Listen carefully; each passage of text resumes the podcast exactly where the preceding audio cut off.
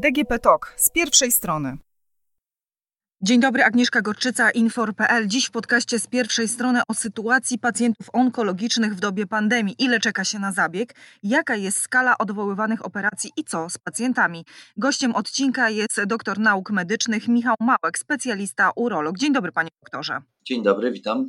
Specjalizuje się Pan w operacjach onkologicznych nowotworów nerek, prostaty, pęcherza. Pracuje Pan w wielu miejscach, m.in. Szpital Mazowia, Radomskie Centrum Onkologii, Szpital Kopernikus w Gdańsku czy Szpital Wojewódzki w Legnicy. Jak sytuacja wygląda w tych placówkach, jeżeli chodzi o planowane operacje?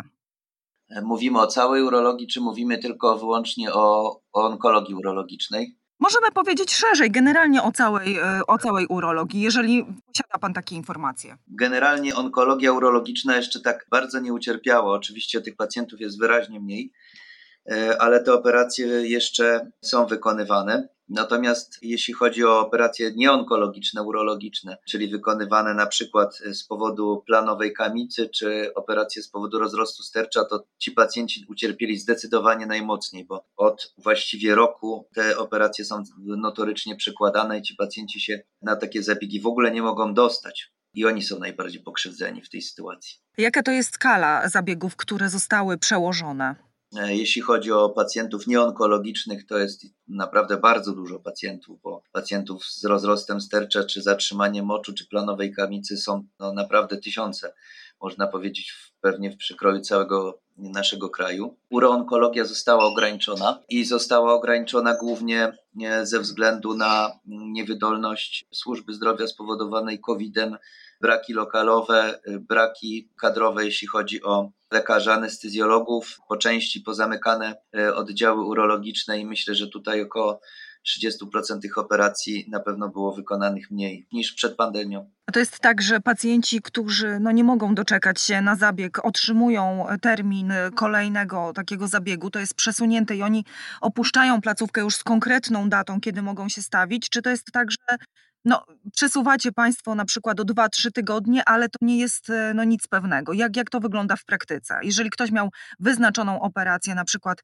na dzisiaj. To wszystko zależy jeszcze od ośrodka, w który e, leczy, bo organizacja pracy w tych ośrodkach każdym jest różna. Z reguły to e, wygląda tak, że pacjent, który jest odwoływany z powodu na przykład zaistniałego stanu epidemiologicznego na oddziale, nie dostaje terminu My tego pacjenta informujemy o terminie najczęściej telefonicznie, czy zapraszamy go ponownie, bo też nie wiemy, jak ta sytuacja się będzie dalej rozwijała, bo, bo naprawdę trudno nad tym zapanować i nawet najtęższe umysły nie są w stanie tego opanować i przewidzieć, jak ta sytuacja się będzie rozwijała. I, i nieraz bywa tak, że my nie pracujemy trzy dni, nie pracujemy tydzień i trudno jest ustalić pacjentowi konkretną datę. Można to w przybliżeniu zrobić, czyli na przykład w przyszłym miesiącu, e, że pan będzie zoperowany, ale co do dnia nie, nie dajemy takich terminów najczęściej.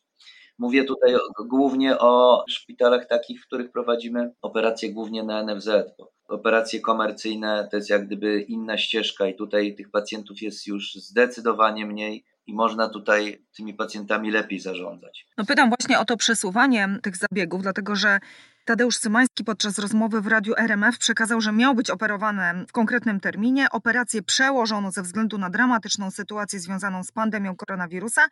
Informację o kolejnym terminie ma otrzymać za dwa tygodnie. No i pojawia się taka obawa, że może być kolejne dwa tygodnie, kolejne dwa tygodnie. Do kiedy można to wszystko tak przesuwać? Jak to wygląda z punktu medycznego? Decydują kwestie medyczne, tak naprawdę. I tutaj do każdego przypadku trzeba podejść indywidualnie. Nieprzypadkowo jest tak, że ci pacjenci, którzy są zawieszeni w leczeniu, czekają długo, bo decyduje o tym naprawdę, decydują o tym względy medyczne. Pacjent, który ma rozrost stercza, on z powodu tego rozrostu stercza najprawdopodobniej nie umrze. Jego stan zdrowia nie pogorszy się zdecydowanie w przeciągu kilku miesięcy. Natomiast jeśli mamy pacjenta z guzem jądra czy z rakiem pęcherza, to dla niego ten zegar zdecydowanie mocniej bije i tutaj odwlekanie chociażby o miesiąc operacji już ma zdecydowanie, zdecydowane konsekwencje.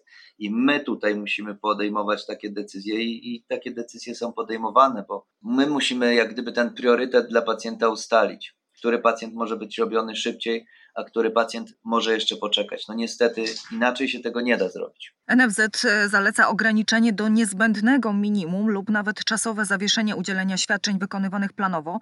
Czy Pana zdaniem, Panie doktorze, to jest słuszne zalecenie? W sytuacji, którą obserwujemy, słuszne. Niestety, naprawdę obserwując to, co się dzieje teraz e, w związku z pandemią, ilu pacjentów choruje, ile jest hospitalizacji, jak bardzo mocno obciążona jest służba zdrowia, ilu anestezjologów uczestniczy w leczeniu pandemii, ile operacji przez to się nie może odbyć, bo nie ma kto tych pacjentów znieczulić, jakie jest ryzyko, że dla pacjentów może zabraknąć respiratora, to rzeczywiście jest to słuszne. I tutaj e, naprawdę jesteśmy w sytuacji podejmowania pewnych trudnych decyzji, które, które są jak gdyby konieczne, no bo Łatwo zawsze poddać tutaj krytyce to zarządzenie i mówić, że jednak pacjenci inni e, chorują.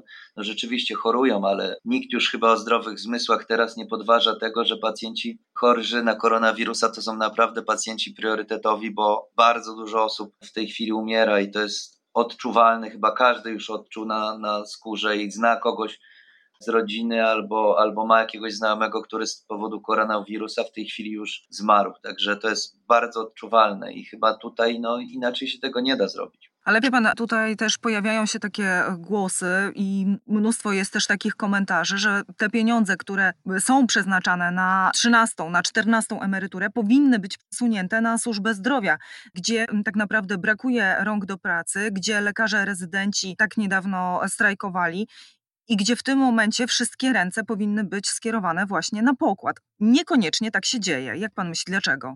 Myślę, że tutaj dołożenie pieniędzy nic nie zmieni, tak powiem szczerze, bo no nie da się pracować więcej nawet za większe pieniądze. To, to po prostu i nie da się wykrzesać większej, większego zaangażowania, wydaje mi się, dosypując do tego pieniędzy. To, to chyba już już y, nie, nie odegra takiej roli. Ale te pieniądze mogłyby być przeznaczone na przykład na kolejne etaty, na nowe osoby, które mogłyby w zawodzie pracować. Tych osób za bardzo już nie ma, tak szczerze pani powiem, z tego co ja obserwuję, naprawdę. Tutaj trudno dorzucić kogokolwiek jeszcze już. Chyba, żeby po prostu kogoś zmuszać do pracy z pacjentami covidowymi, ale to chyba no, nie na tym polega. No to presja ekonomiczna myślę, że tutaj nie odegra większej roli, bo te dodatki, które są covidowe, one rzeczywiście już zrobiły swoje i myślę, że tutaj już większej ilości osób się nie przyciągnie do opieki nad pacjentami covidowymi. Takie jest moje odczucie. Oczywiście ja tutaj nie uzurpuję sobie prawa do nieomylności w tej kwestii. Nie, nie, nie znam jakichś badań, nie, nie jestem w tej kwestii specjalistą, ale to jest moje tylko takie odczucie. A czy Państwo dyskutujecie nawet we własnym gronie, we własnym środowisku, jakie rozwiązanie mogłoby być taką pomocą doraźną? No bo nie mówimy o rozwiązaniach długookresowych, ale jaka forma wsparcia byłaby dla Was, medyków, odczuwalna? Dla nas, medyków, wydaje mi się, że to, co można by zrobić, to przesunąć część kontraktów z tych szpitali, które pełnią jak gdyby największą służbę dla pacjentów covidowych, do, do innych jednostek, które są mniej obciążone. Tutaj, jak gdyby przesuwanie tych środków e, finansowych z jednych ośrodków, z jednych jednostek do drugich to by może rzeczywiście miało jakiś wpływ na poprawę leczenia, bo to, co mogę ja zaobserwować, na przykład tu na przykładzie szpitala w Warszawie Mazowia, który ma ograniczony kontrakt z NFZ-em, moglibyśmy tego robić więcej, gdybyśmy tych pieniędzy mieli po prostu z funduszu więcej. Ale no, no nie jesteśmy w stanie, bo, bo nikt nie będzie pacjentów leczył, żeby jak gdyby się zadłużać.